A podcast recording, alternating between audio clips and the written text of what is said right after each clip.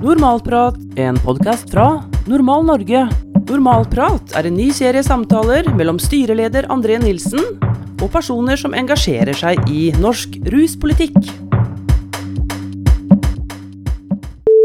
So, uh, welcome everybody to uh, Normal Talk Live, Normal Talk Live in Norwegian. Uh, it's the last one this year. We've been doing uh, three pre previous episodes, and uh, this one is a big one, I, I have to say. Um, with me today, I have Ethan Nadelmann, uh, founder and former executive uh, director of Drug Policy Alliance.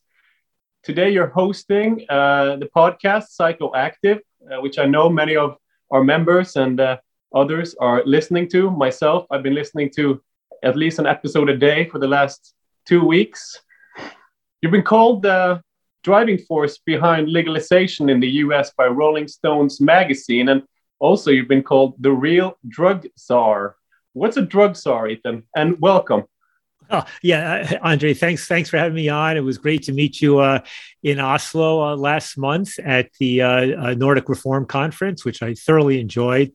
Um, yeah, no, I'm back home in New York now. A drug czar is basically the term that we gave in the U.S. in the around 1989 when the drug war was really raging. They created a position. It's basically the the, the government's chief of drug policy right? A person who's supposed to oversee some of the budget and be the rhetorical leader.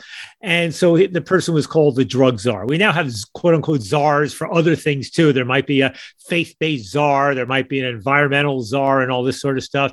But it really came out of the drug war area. So it's a not very nice term to refer to the person who's in charge of a certain area of, of public policy. Now, when Rolling Stone called me the quote unquote real drug czar, it was a kind of play on all that that effectively I am kind of the anti drug czar. I was leading the drug policy reform movement in the US for many years. So they said, in a way, I was the real drug czar. And we were, you know, driving reform through ballot initiatives and legislative reforms and things like that. I see, I see. I actually read that Rolling Stones piece uh, just before coming on here today. There were some uh, interesting facts there. Something about uh, liking to wear dad jeans. Uh, yeah, but, but, but, yeah. I gotta tell you, I gotta tell you that dad jeans thing. The guy, uh, the guy who wrote that, I thought he did a wonderful profile. But you know, dad jeans. You have that same expression in in, in Scandinavia. Yeah, yeah, sort yeah, of. Yeah, yeah. So I like didn't. Exa- I gotta tell you, I, have stepped up my uh, fashion consciousness since that article. good to know. Good to know. Um, well, most importantly, uh, the article mentioned something that I uh, thought was really interesting about how you have been a part of professionalizing uh, the the drug activism. Yeah, I mean, I think in a way, look, I look, I got going in this back in the late '80s. Um, you know, as a young man, as an academic, and writing articles. It was at the height of the drug war, and I started writing these articles in prominent academic and policy journals, saying that the war on drugs is crazy. It's doing more harm than good that a lot of it reminds me and many other people of, of alcohol prohibition, which was somewhat well intended, but turned out to be a disaster for my country. And that most of what we identify as part and parcel of the drug problem are, in fact, the results of failed prohibitionist policies. Yes, drugs can be very dangerous and harmful for many people, but they're not for most people. And what causes the greater amount of harm are backward, punitive, abstinence only criminalized policies. Now, what happened, um, you know, in the early years of my involvement, it was really about speaking and writing and being out there. And there was the beginnings of a drug policy reform movement. But what happened in 90 about almost 30 years ago i was fortunate to get a phone call from a wealthy man who was not well known at the time named george soros and he had made a lot of money in the markets. Um, he was he had emerged as a prominent philanthropist, mostly in helping to support dissidents in the former Soviet Union and Eastern Europe and bringing down, you know, Soviet and uh, you know socialist dictatorship. And he had was intrigued by this issue. He reached out to me. I was teaching at Princeton University, and we basically hit it off. You know, and at the end of that conversation, he said, "Look, I see we agree on the basic issues." Uh, but I'm a very busy man. So let's assume I want to empower you to accomplish our common objectives. And I kind of laughed, but one thing led to another. I left the university in 94, started the organization. And what happened a few years later was some political opportunities began to emerge in the US to begin to roll back the drug war, especially in two areas. One was in allowing people who were arrested for drug possession to have multiple attempts at drug treatment instead of going straight to jail. And the second was to legalize marijuana when used for medical purposes with a recommendation of a doctor. And that was really in 1996, my first experience of getting involved in a much more, not just public education campaign, but a real political campaign. but we recognized that by and large, the politicians were behind the public, right? That when it came to the drug war, the politicians were scared of their own shadows. So when even when they knew uh, a, a, a, less, a more public health harm reduction, decriminalized policy was the right way to go, they still were afraid to move in that direction. But in the US, half of our 50 states allow laws to be changed through a referendum or ballot initiative process We mm-hmm. collect signatures and put it to the voters.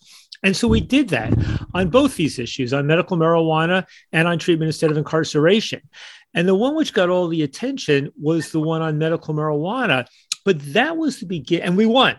We won 25 years ago. I was just in San Francisco after I was in Oslo last month, you know, to celebrate the 25th anniversary of this victory. But what I learned then, and what I began to really develop thereafter, was that if we want to win, it's not just a matter of putting out the best arguments and having the evidence on our side. It's a matter of thinking and operating in a more professional and strategic way, a matter of kind of, you know, I regard myself as an activist, but it was a matter of capturing the, the, the dynamism and activism of the grassroots activists who typically get this issue going in the first place, but oftentimes aren't able, they don't have the resources to take it to the next level. It was a matter of turning these into professional campaigns that were disciplined.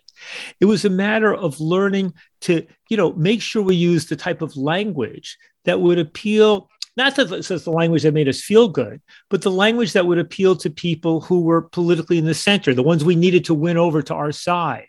It meant making sure that the spokespeople for our campaigns were people who the, you know, the the the, the, the ordinary voter could relate to right? And so I'll just give you one example of what it meant um, to be more professionalized. In 2012, when the first successful marijuana legalization initiatives were underway in Colorado and Washington. There had been other legal, there had been a half dozen other legalization initiatives over the previous dozen years, all of which had failed. But now we had a real chance, and we had different organizations, different activists, and you know each person had a different view about why they were doing this or what was the most compelling argument. For most of the key activists, the core argument was based around freedom, right? But for some, people wanted to make the argument about my freedom, my right, as the principal argument to the public. Other people wanted to talk about racial justice. Other people wanted to make the argument that marijuana is safer than alcohol, which it is, but you know, that argument, right? But what we all agreed was that all of us could use whatever messages we wanted until 10 weeks before election day. And 10 weeks before election day, all the biggest organizations involved in this said we're only going to use the messages that we know from our public opinion research and testing work the best. And what our research told us was that the two arguments would, which would be most persuasive to the voters we needed to reach, which was, you know, middle class parents. Maybe they smoked weed when they were younger. Maybe they didn't. They got teenagers who were scared about drugs. What was going to persuade them? And the two arguments we knew from our research was first, we'd rather have the government busting real criminals instead of going after young people for marijuana. And secondly, we'd rather have the government taxing and regulating this stuff instead of having the gangsters making all the money.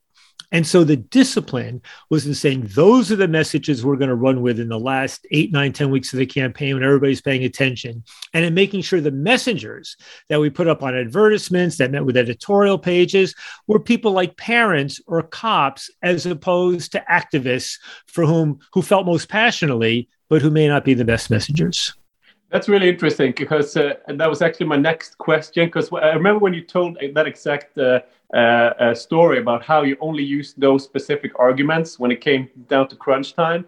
Uh, you, you told that to, to Ina in Oslo, and I was really curious about what were the arguments. And now you you you you you told me, and and I, I think it's interesting because uh, well, coming from a maybe Norwegian perspective, looking looking at the U.S., I would think that the individual right to uh, use cannabis without government interfering or criminalizing would resonate with a lot of Americans. No, but- not Adrian. Actually, not at all. We because believe me, for most of us, we wished it would because for the activists like myself and others, that was the number one reason. It's not the only reason we're doing this. It's a matter of good public policy and everything else. But we wished that would be the argument that would make the real difference. But in fact, it barely ever got more than ten percent among the arguments that really highly persuasive. That even people who fundamentally believe in freedom. You know, I mean, you look at all the crazy, oh, it's my right not to take a vaccine, you know, against COVID, all this kind of stuff. But somehow in this one, they weren't buying the freedom argument right? Now and i should say that those two arguments were most persuasive in many of the first states we worked in especially out west. But when we did an initiative two years later in washington d.c the racial which is 50% you know a, a, population is black there the racial arguments worked more powerfully. Racial justice arguments didn't carry that much weight in some of the western states united states you know alaska oregon washington colorado where the black population is less than 5% of the population right and and you would think that in some of the more the states that have more of a libertarian sensibility which tend to be sometimes ones that are a little more Republican leaning, a little more to the right, you know. But interestingly, like, you know, yeah, they believe in freedom, except when it comes to marijuana or drugs, that that goes out the window. Yeah. So yeah. There's, there's something about drugs and, and people's principles that sometimes they just disappear when you when when you talk about it. Yeah, in fact, the interesting thing is politically and even in broader public stuff, I've typically found look, most of the support for drug policy reform comes from the more left, liberal, progressive side, right? And liberal, I'm saying that in the American sense more than the European sense, right? Um, but if you look for the people who are sometimes most passionate about this being an issue of personal freedom, that comes from the libertarians who are a little more on the on the right. So they're much smaller in numbers. But I think about some of my allies, like the former uh, Republican governor of New Mexico, Gary Johnson, who then tried to run for president on the liber- for the Libertarian Party, never got very far. But I mean, he could speak with real passion on this, as could the old famous economist Milton Friedman you know, mm-hmm. the most famous economists in the world in the latter part of the 20th century. They were passionate about issues of personal freedom. But what we saw is that they just, it just did not carry over um, in the in, in the way in the way that we hoped. Yeah, that's very interesting because from a Norwegian perspective, in, in Norway, we, we we like to talk about how um, the Norwegian state is a welfare state, where uh, both um, federal and uh, local government is uh, uh, responsible for, for the well-being of citizens. And, and you often hear that the arguments for prohibition um, and criminalization of cannabis and, and, and other drug use is, is a sort of uh, sign of solidarity to mm-hmm. those who would maybe use or try and, and then uh, developing maybe problematic use or addiction. Uh, how, how does that logic resonate with you? Yeah, I mean, I, I think it makes a huge amount of sense in the Scandinavian context and to some extent a broader European context. It's interesting in the US, it's just the wrong language, right? In the US, the word welfare um, is almost a dirty word right? Uh, you know, when Bill Clinton, um, you know, became uh, president in 1992 after 12 years of Reagan Bush, you know, he had to distance himself from the phrase welfare in order to try to win back the political center. And the notion of solidarity with people who are less well off is just not really a.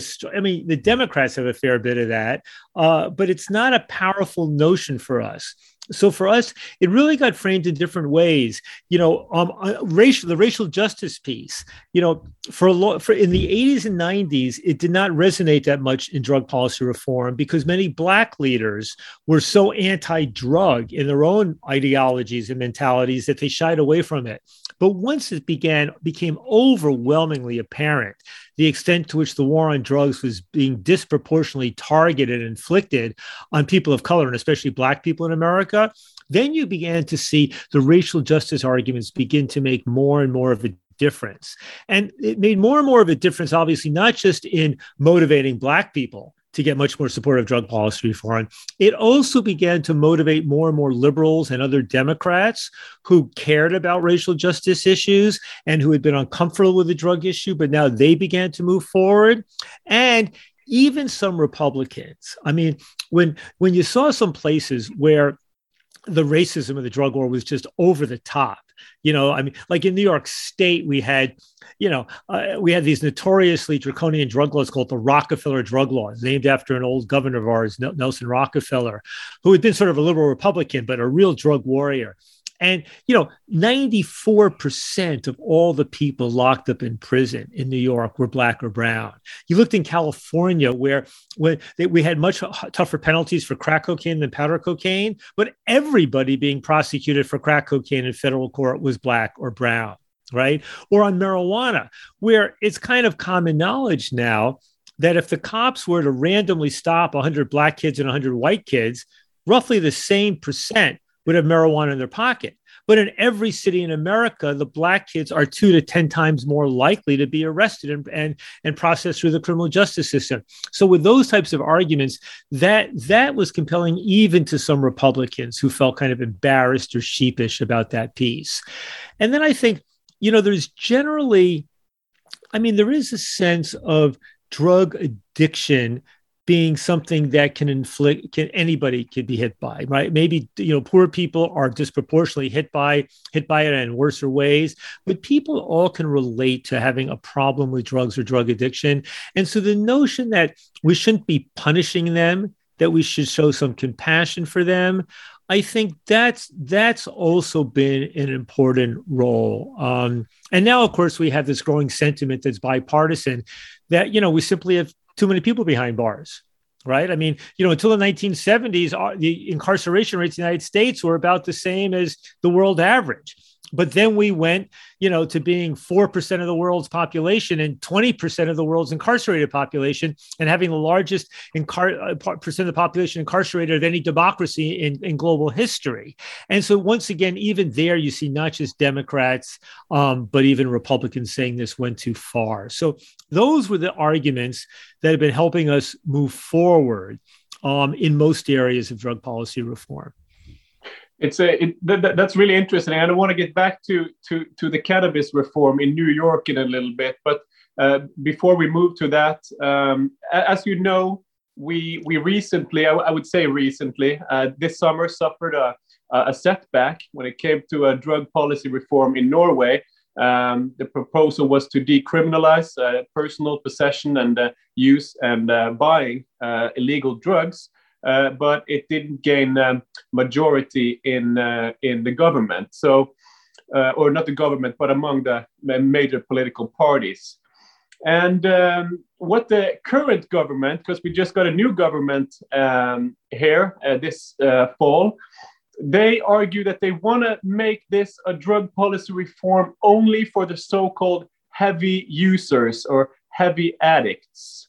So if you can prove that you have a substantial drug or substantial addiction or problematic drug use, you should not be punished for possession, for example, of illicit drugs. Um, we have argued, and, and many scientists have also argued that you can't almost you can't make that distinction, and and and and it's it, it would be a discriminative law to make something legal for some people or and and uh, or not illegal, but to, to punish some for the same crime and others not. Um, what do you think about this approach? well, I mean, first of all, I'll tell you. I mean, it was yeah. I was very bummed when I saw you know the, you know my allies in Norway were so psyched about getting the decriminalization of, of, personal possession through, and it would have been such a breakthrough to do it in Norway. I mean, I think back about Norway ten years ago, where you were so much under the thumb of the Swedes and the Swedish, you know, abstinence only prohibitionist approach, and to see Norway break away and provide some real leadership now in Scandinavia, and I now see Iceland picking up some momentum as well. So I'm very inspired by that, and I love the way that basically Scandinavia is increasingly turning their back on the Swedish approach. And I think, you know, for the Norwegian activists and my old friend Thorvald Stoltenberg and the pivotal role that he played. So I'm very grateful. And I'm also psyched to see that it looks like Norway in the next few months is going to open up a heroin prescribing clinic. You know, and this had, you know, I mean, in Europe, the you know the Swiss kind of led the way. I mean, the British had it in an informal way, but the Swiss and then the Germans and the Dutch and the Danes and the Brits and then the Canadians. But it had been kind of you know stuck for a while. To, to see to see Norway leap through on this, I think, is a major breakthrough. And I was also inspired, you know, by the movement of the attorney general in Norway to basically tell the cops they can't, you know, keep busting people simply on suspicion the way they had. I thought that was a very important, you know, even though it didn't happen through the legislative process, it happened through basically an administrative edict, edict by the, you know, the top law enforcement officer in, in Norway. So I think there's some, you know, I, I think all of you in Norway should be inspired at the progress that you've made. And even though I know that the, the, the decrim setback was a major thing. Now, when it comes to this issue of distinguishing between drugs, as an American, I have to say, you Scandinavians are, are so weird because for us in America, it's like for us, well, marijuana you know, it, it's like, you know, we're, we're very chill about marijuana and now psychedelics are becoming accepted and people freak out over heroin, cocaine, and methamphetamine, and all those things. And yet, what you hear in Scandinavia is that there's still this uptightness around cannabis right? I mean i know that you know people are relaxing around it a bit especially in in in, in norway and i think maybe iceland now a bit and of course denmark has been that way for a while. But there's a kind of anti-marijuana thing that is almost mystifying for us in the US because we're just accustomed to marijuana cannabis being given preferential treatment and so when we hear Norwegian officials say, "Oh, we're going to go easier," you know, on the hard drugs, quote unquote hard drugs, you know, heroin, you know, you know, and and we, but but they're worried about. It, it almost seems like wow, it's like a 180 different perspective on this thing. You know, whether or not there's an argument to be made through the courts or constitutional law that that's not fair to either prefer cannabis in one world or or harder drugs, quote unquote, cocaine, heroin in another world. I don't know.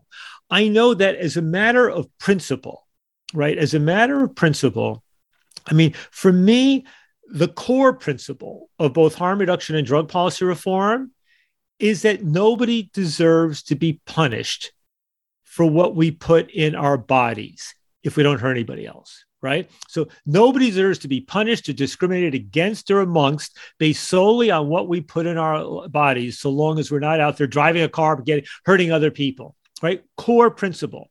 And that means that when it comes to the personal possession and consumption, there should be no discrimination as a matter of principle. There is no, there is no, you, if you look, whether you're looking in the Bible or the Code of Hammurabi or, or traditional ethics, or we're looking in medicine or science, there is really no good basis for distinguishing in the criminal law between human beings based upon which substance they put in their body. Now, there may be a legitimate basis for saying, well, we're going to allow cannabis to be sold over the counter in, in regulated shops and not saying that for cocaine. Right. So we, there may be a legitimate basis from a policy perspective and a public health perspective for regulating those drugs differently right? Or maybe for retaining certain moderate prohibitions on more risky forms of drug use. But when it comes to personal possession and consumption, it seems to me the principle has to apply across the board. Now, whether you know that principle can be embraced here as it's been increasingly embraced in more some of the more progressive countries with sexuality um because there is a lot of analogies between psychoactive drug use and those principles and one's sexuality or sexual preferences you know that's a question i hope that there are countries that are laying the groundwork for doing that. And I think you see some countries, some countries, um, you know, I think maybe Germany, Colombia, where their constitutional law maybe allows for some interpretations that would address all drugs in the same way.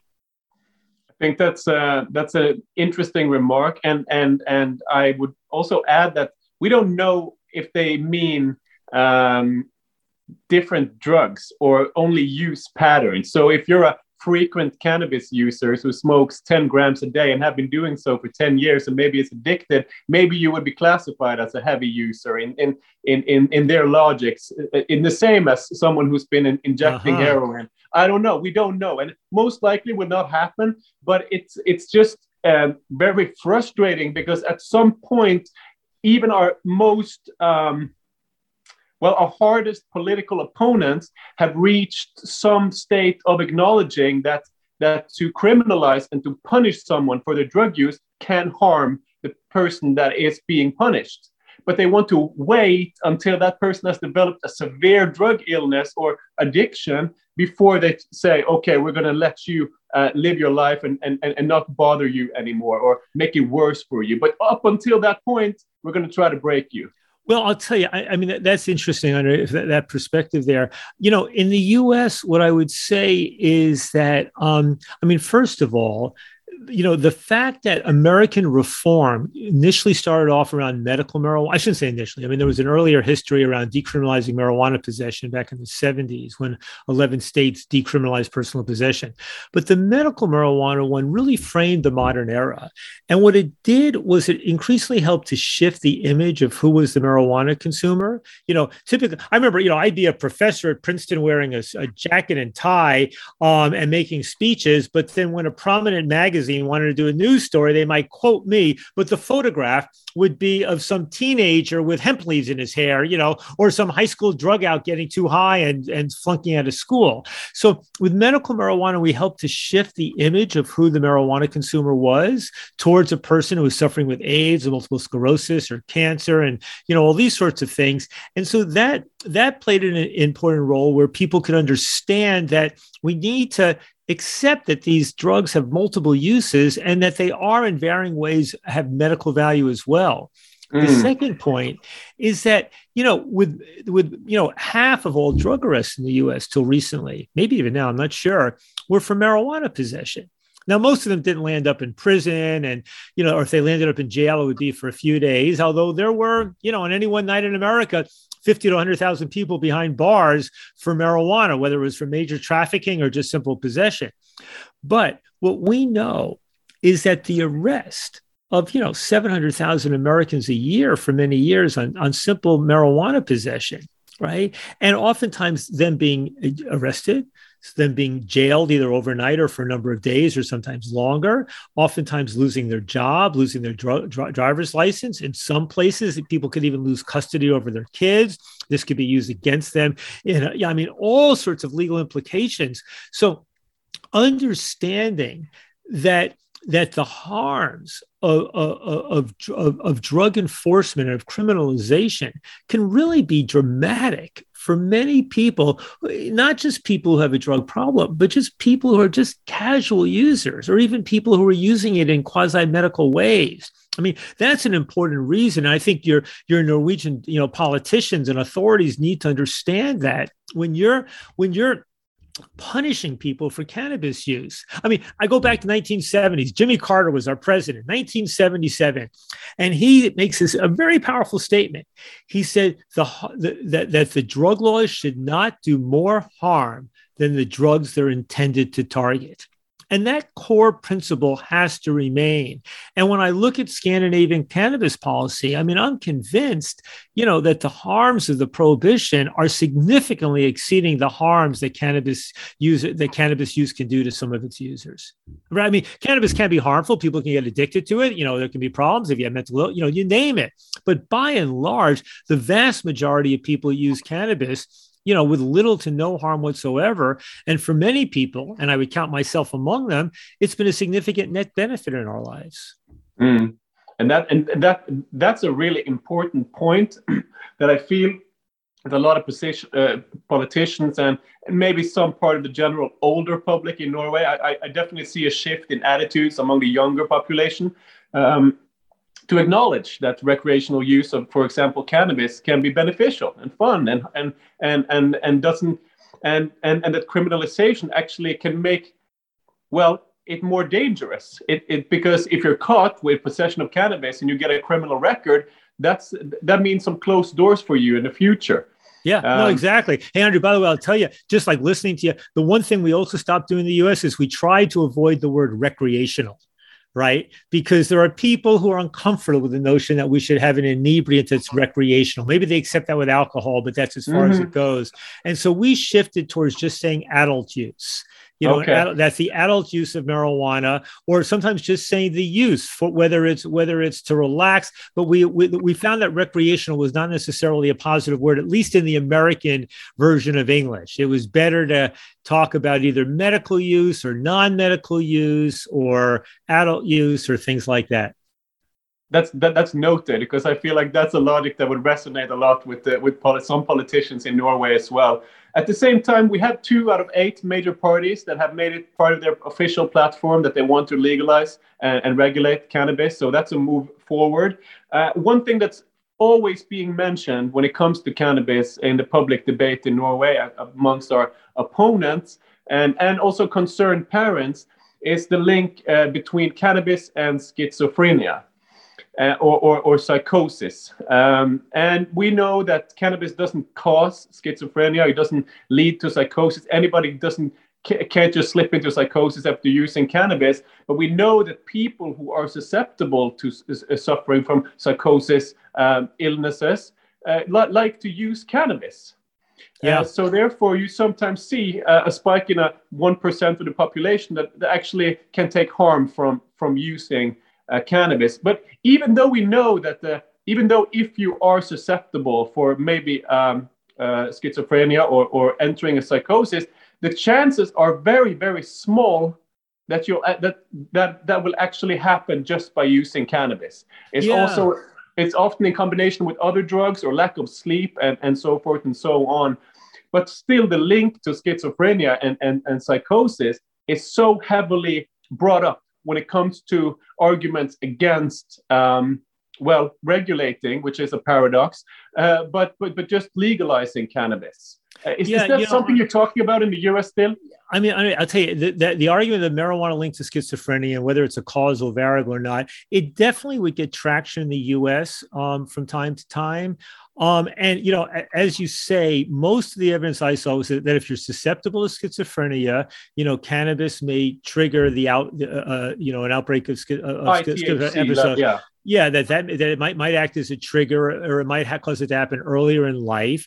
I also my also understanding is that that the scientists are not 100% certain that there may not be a causal variable. It looks unlikely. It seems to be mostly triggering.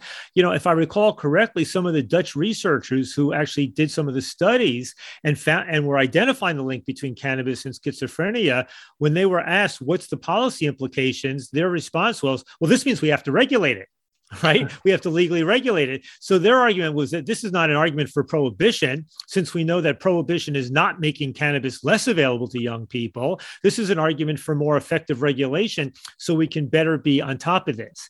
What I will tell you is that the two arguments that we heard most frequently in the US context against cannabis legalization involving kids one was that marijuana was a stepping stone or a gateway to harder yeah, yeah. drugs, right? And that, you know, even though, you know, I oftentimes describe the, the gateway theory as an ounce of truth embedded in a pound of bullshit by which I meant, you know, yes, it's true that the vast majority of people who use cocaine, heroin, methamphetamine used cannabis first, right? Um, uh, on the other hand, the vast majority of people use cannabis never go on to use those other drugs, right? And in fact, the real kind of gateway is that once you begin to use a drug that's illegal, like cannabis, it's more likely to put you in contact with a broader drug using world and drug selling world where, you know, if, if, if you're in a place with a legal cannabis shop, that's where you go get your cannabis. And they're not selling heroin, cocaine, methamphetamine, or whatever. If you're we're living in a place where it's all illegal, the place where you go to get your marijuana illegally, there's a much higher chance that they will be selling and possibly offering these other substances.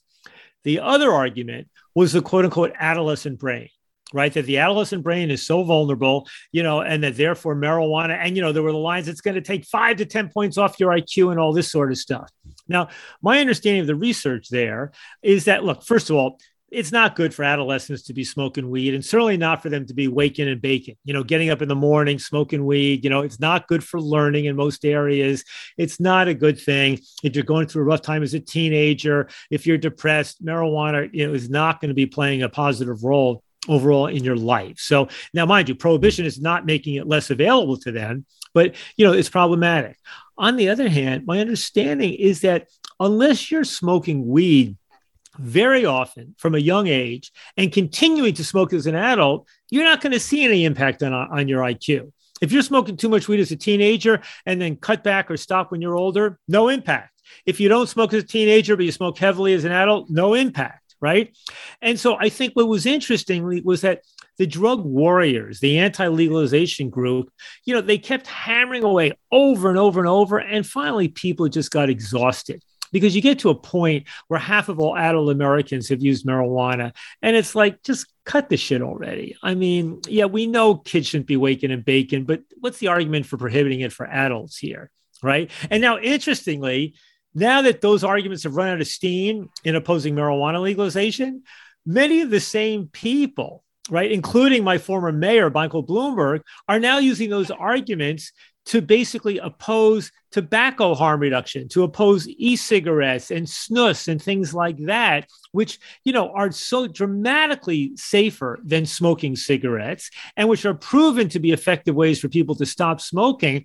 But there's a kind of new drug war going on, and it's against e-cigarettes and snuses and all the alternatives to smoking. And we're basically seeing the resuscitation of the anti-marijuana arguments almost verbatim. I don't know if they brought in the schizophrenia one as yet or not, but I have no doubt if they haven't, they will, and probably some have, tri- have tried. Well, I saw I, I saw the passion you spoke about vaping pens or e-cigarettes in Oslo, and I also heard you talk about it as as a harm reduction tool on on psychoactive. And and I thought I would mention to you today that the Norwegian government are proposing, the health department are proposing uh, a, 25 year age limit for using uh, e-cigarettes, and the only flavor allowed is uh, proposed to be tobacco flavor. What do you think well, about that? I, I, think it's pretty stupid. I mean, look, I think that given that that no, I mean, at the very least, if you have people um, under the age of 25 who are smoking already, you want to make sure that they have access to e-cigarettes, snus, things like that as well. I mean, it's just basic harm reduction 101 you know? Now we also know you know what people don't know and i and i can understand why we don't want to make this publicly known. I don't know if you know this andre that that if you start smoking when you're a teenager and you stop by the time you're 30 your life expectancy is basically the same as somebody who never smoked.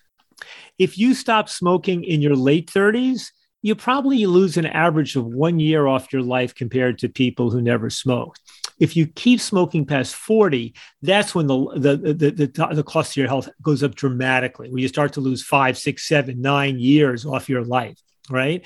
But I have to say that uh, in the US Congress recently, they were proposing to tax e cigarettes at the same level as regular cigarettes. I mean, it's like the it's antithetical to public health. In, in, in public health, the idea of a harmfulness tax where you tax the more dangerous more heavily and the less dangerous less heavily you know, it's just like, you know, you want to have a tax, which cars, which are major gasoline consumers, should pay a higher tax, you know, at least when you buy them. And ones which are electric or whatever should pay a lower tax, right? I mean, the notion of treating them the same is like, is like saying, oh, we're going to treat pharmaceutical heroin the same as, you know, dirty heroin bought from the black market. It makes absolutely no sense. And so, you know, I think that that proposal you just told me about, it's good that they're not banning e-cigarettes, but then when they just say we're only going to make it available in tobacco flavors, and people will say, "Oh, well, you know, it's because the the the other flavors are attractive to kids." Well, the fact of the matter is, those same other flavors, you know, the mint, the fruit, what have you, are also attractive to adults at almost the same levels and so and oftentimes adults who want to quit smoking they don't want a tobacco flavored e-cigarette. The thing that's going to help them and help them forget about smoking is switching to uh, you know uh, you know a fruity flavored one or a minty flavored one or something like that. And it's helpful for enable them to stay quit. So it makes sense to say we're going to ban child friendly names like don't call it Froot Loops or Captain Crunch, which are the name of two popular cereals in the U.S. You know, don't call it, uh, you know, you know, you know, I mean, vomit breath or whatever. I mean, you know, which what some of the marijuana gets called, right? So maybe ban quote unquote child friendly names, but with the flavors. If adults find them as useful as as younger people do, don't get rid of them. The priority needs to be on reducing smoking because it's not nicotine that kills people, it's consuming nicotine in a combustible form. Mm. and, right, and that's where we need the major transition. When there's a bill, over a billion people around the world still smoking cigarettes, roughly 13% of the population in many, in like even my country, bringing that number down is absolutely essential. And even if it means that many people start using e cigarettes or snus or whatever, including people who have never smoked, the cost to that in terms of public health is so minimal compared to the benefit of dramatically reducing the number of people who are smoking. You're right about that. And uh, and, and speaking of, of, of tobacco, uh, I used to live in California, and and as you know, in Europe, we we like to mix the cannabis uh, with tobacco. Because uh, especially cannabis flower has been so scarce well at least it was 10 years ago that we would use hash and, and then mix it with tobacco and smoke it. And when i rolled a joint in, in california 10 years ago and, and, I, and I asked if anyone wanted a hit nobody wanted to smoke it because it had tobacco in it because i put tobacco in it from yeah that's what, what, what we do uh, how, how is the and i know tobacco use is is sometimes um, more common on the East Coast. I'm, I'm not really sure, but at least blunt smoking. I retweeted a, a, a, a tweet from you today about uh, people should stop smoking blunts because the blunt yeah. paper is basically tobacco. How how is the how is the cannabis consumption pattern overall changing in the US now that there are so many legal states and so many different varieties of products? Yeah. Well, I'll tell you, it's a great question, Andre. I, I mean, well, first of all, I'm unusual as Americans go because I started college in the mid 70s in Montreal at McGill University. And for some reason or another, most of the cannabis was hashish coming I in actually from read Europe. that. Yeah, yeah. yeah, it was coming in from Europe, not not marijuana coming from the US or Canada. And so I started off smoking hashish, but I always hated cigarettes. And so what we would just do is we would just smoke out of a little bowl you know we would have the hashish that way. And then when i spent a year living in london um, in 1979 about 40 years ago you know people would do as you said. They would roll you know the hash with with with cigarettes and i really disliked it. I mean i would reluctantly consume it that way. I never liked the nicotine high. And and then what, i remember one friend of mine what he said okay you, you don't like that. So he actually got some damiana. The herb It's got a bit of an aphrodisiac reputation and he rolled the cannabis or the, the hash in that. And I found that a little bit preferable. But the piece I, I tweeted out a week or two ago, it's by a friend of mine, Steve Bloom, who's been a marijuana journalist for like 40 years for High Times and everything else. I think now he writes for CelebStoner. And he published a really what I thought was important piece. And it was a bit of a mea culpa. He said, you know, 10 years ago, I started writing all about how the new fad for this was smoking marijuana, you know, in a blunt, you know, mixed with tobacco. And he goes, I regret that because the fact of the matter is marijuana is not that dangerous but developing a kind of tobacco habit by consuming marijuana in that form and smoking it not a good idea so let's consume cannabis in the safest forms possible now, I'm not sure about the West Coast, East Coast split that you're asking about. That might be true. I think it's more of a black white thing that blunts became quite popular among young blacks. And then as kind of black cultures become more popular among young white people, blunts became more popular as well. But at the same time, you know, we see all these vape devices, you know, the kind of, uh, you know, vaping marijuana, mm-hmm. either, either the whole marijuana, like in the old Pax where you heat it up, or now with the oils on you know and you still smoking joints now i'm beginning i had never had i had never had liquid thc oh yeah you know, i was lemonade. Out, yeah, I, I, was hanging out with some old college buddies a few months ago, and they had just picked up a pack, and it's kind of like you know this this this can is five milligrams, that one's ten milligrams. So I'm I'm curious to see how it works out. You know, I I um, oftentimes use edibles now. I mean, I, I you know I'm not a regular cannabis user, you know, but once a week I like to do a little edible marijuana and go get a massage. I mean, I think that's a fantastic combination. You know, uh, uh, you know, so and I, you know when I smoke a joint, it's a few few hits. So I think the thing we need to watch out for is with these new vaping devices. You know, two years ago, some knuckleheads in the industry, you know, wanted to make a little more money, so they cut um, their their THC oil with vitamin E oil, which yeah. has the same color and viscosity of THC oil. They thought they would just, you know, get more like the way people cut drugs, right? With powder, yeah. white powders.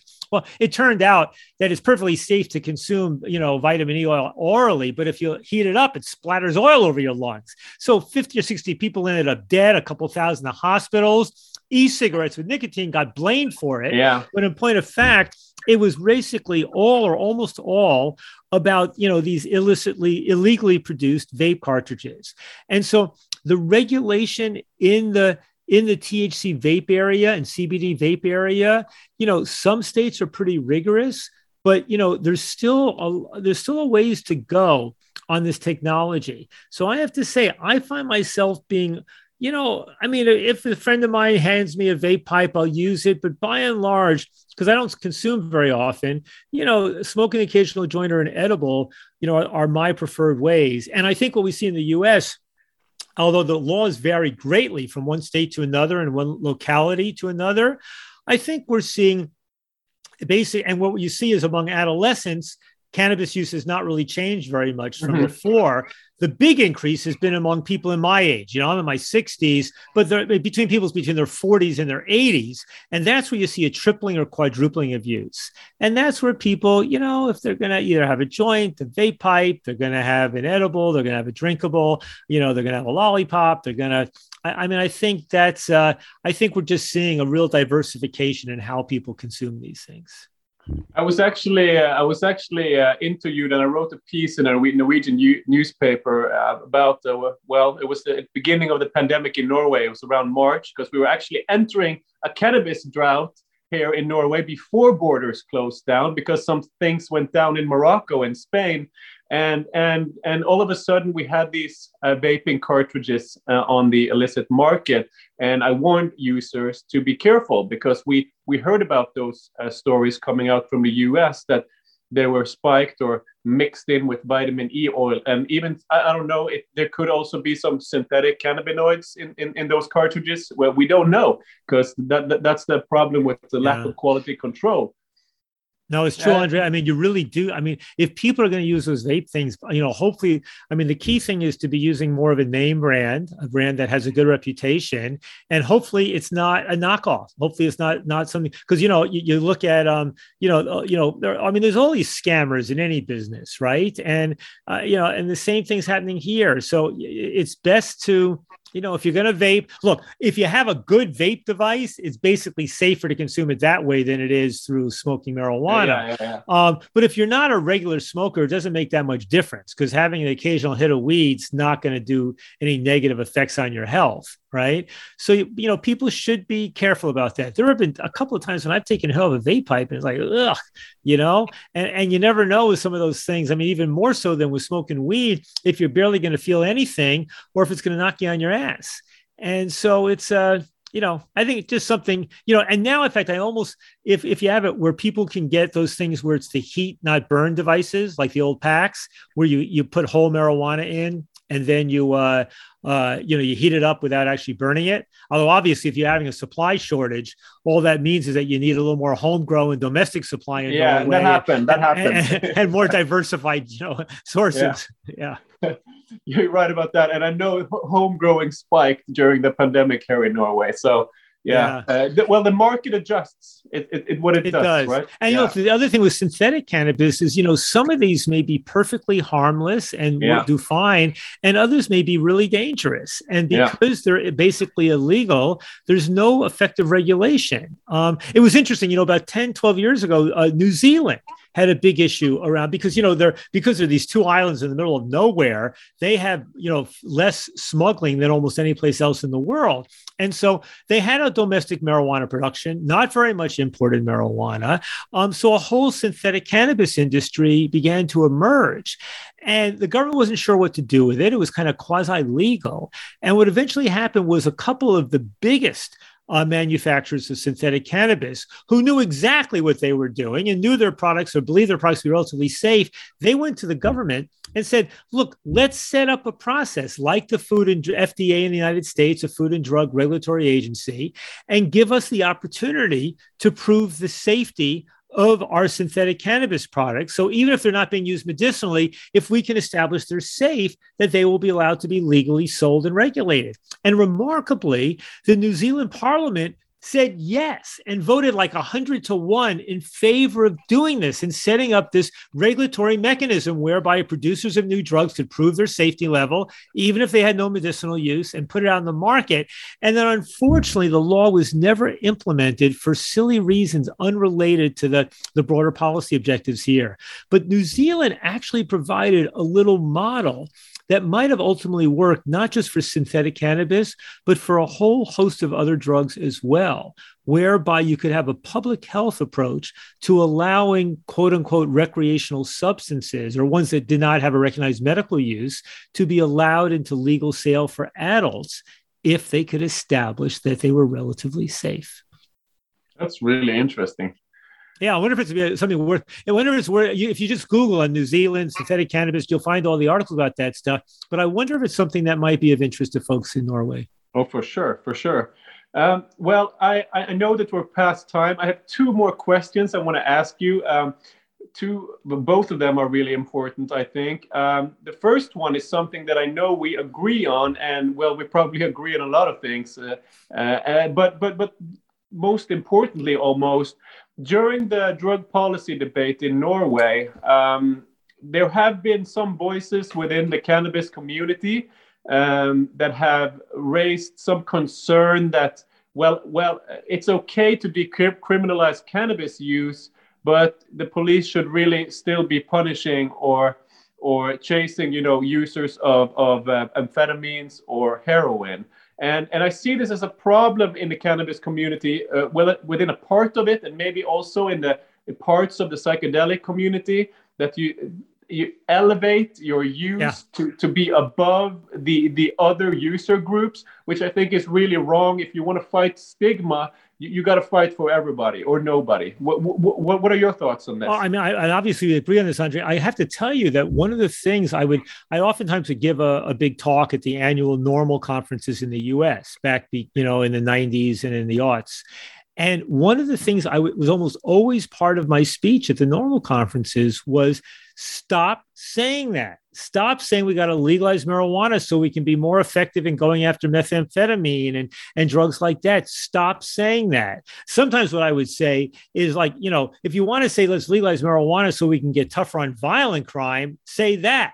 Now, even when I would say that, then some of my more, more progressive allies would say, Ethan, stop demonizing those folks too. Because what we know when it comes to violent crime, you know, people hear violent crime and they imagine a guy with an axe or a gun or, you know, a, a high aggressor. But we know that violent crime is a lot more complicated when you actually look in the details of this stuff.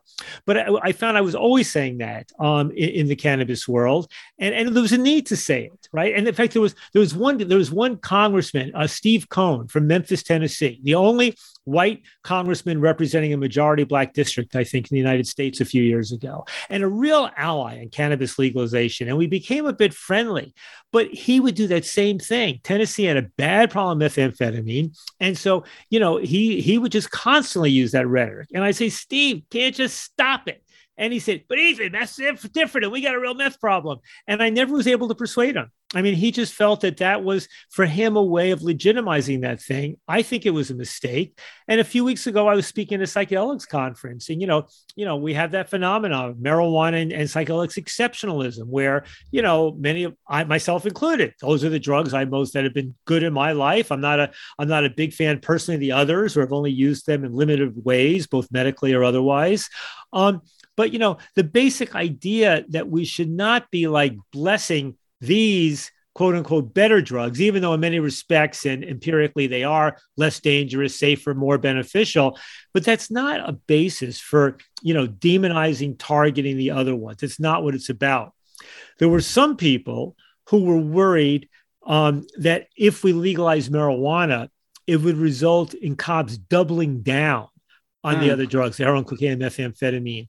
And I was always skeptical of that view because it seemed to me that when you started to have the cops kind of relaxing on on on the marijuana stuff, that basically you know, they started to relax a little more broadly, or in the same way which in which my organization, Drug Policy Alliance, last year after I'd already left, you know, led a ballot initiative in Oregon to decriminalize possession of all drugs, sort of the Portugal model.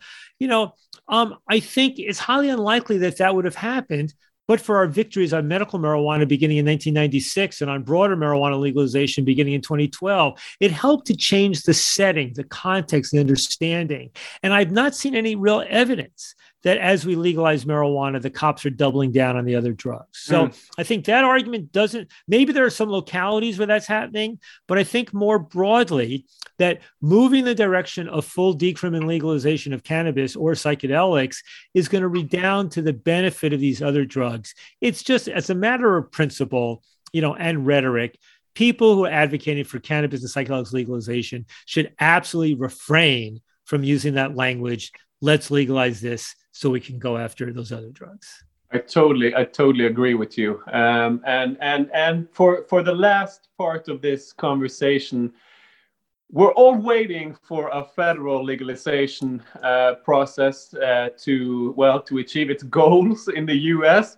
All of a sudden, almost out of nowhere, uh, maybe because we've been so in Norway stuck in the decriminalization uh, debate, Germany, the new government in Germany is coming out and saying that they want to legalize cannabis. And with the biggest economy in Europe moving towards legalization, things might even happen in Norway way sooner than we, we all thought.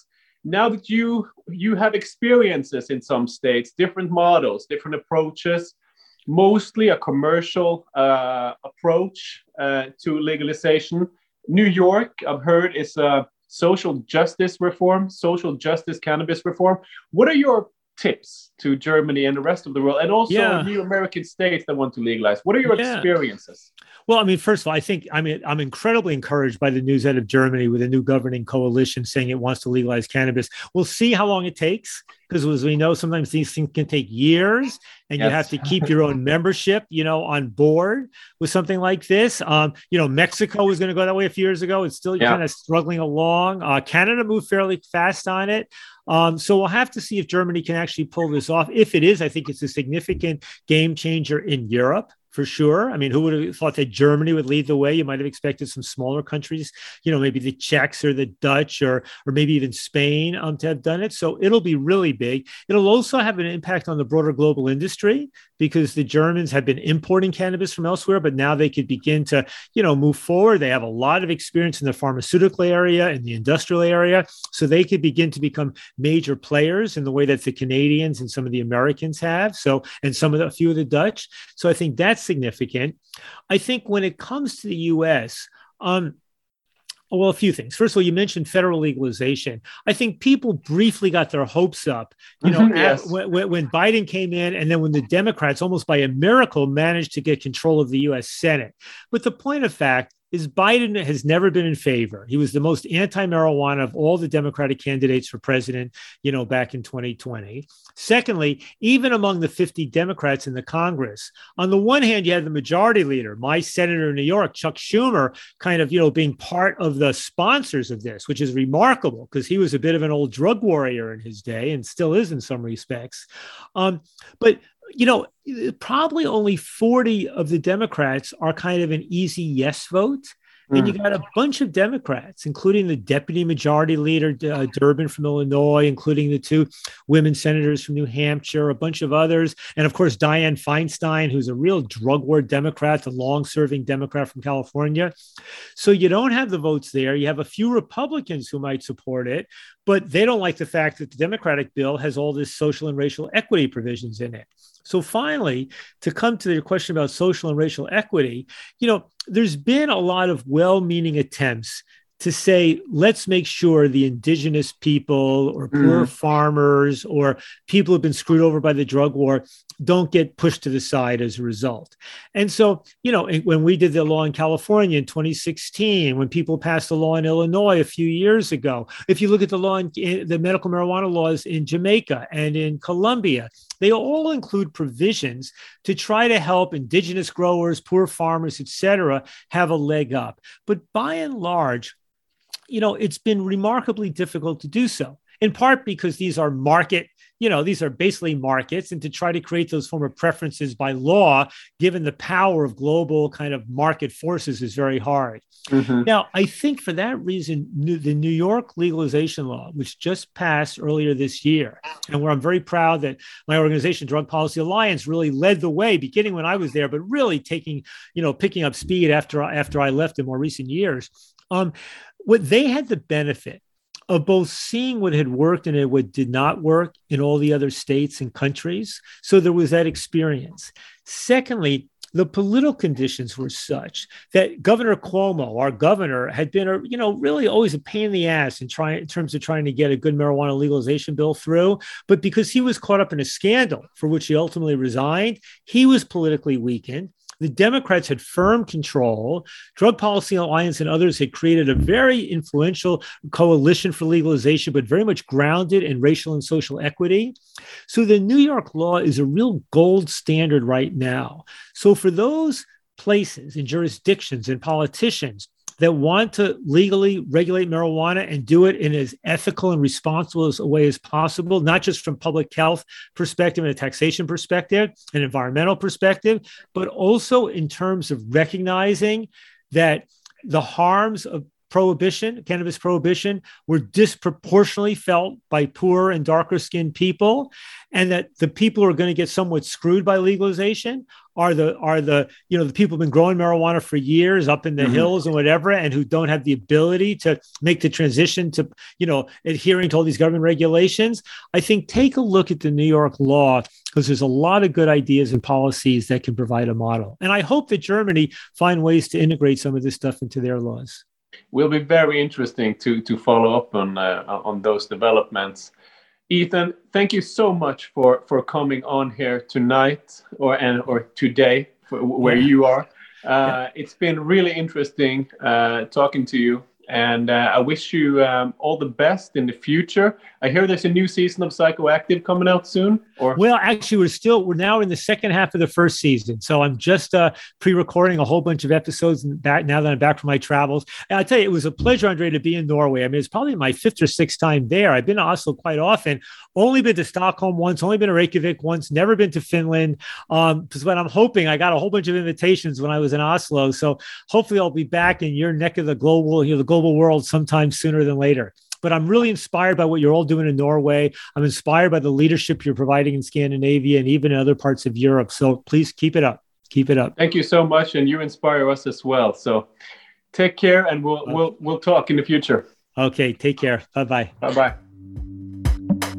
Du har hørt på Normalprat, en ny serie samtaler mellom André Nilsen og personer som engasjerer seg i norsk ruspolitikk.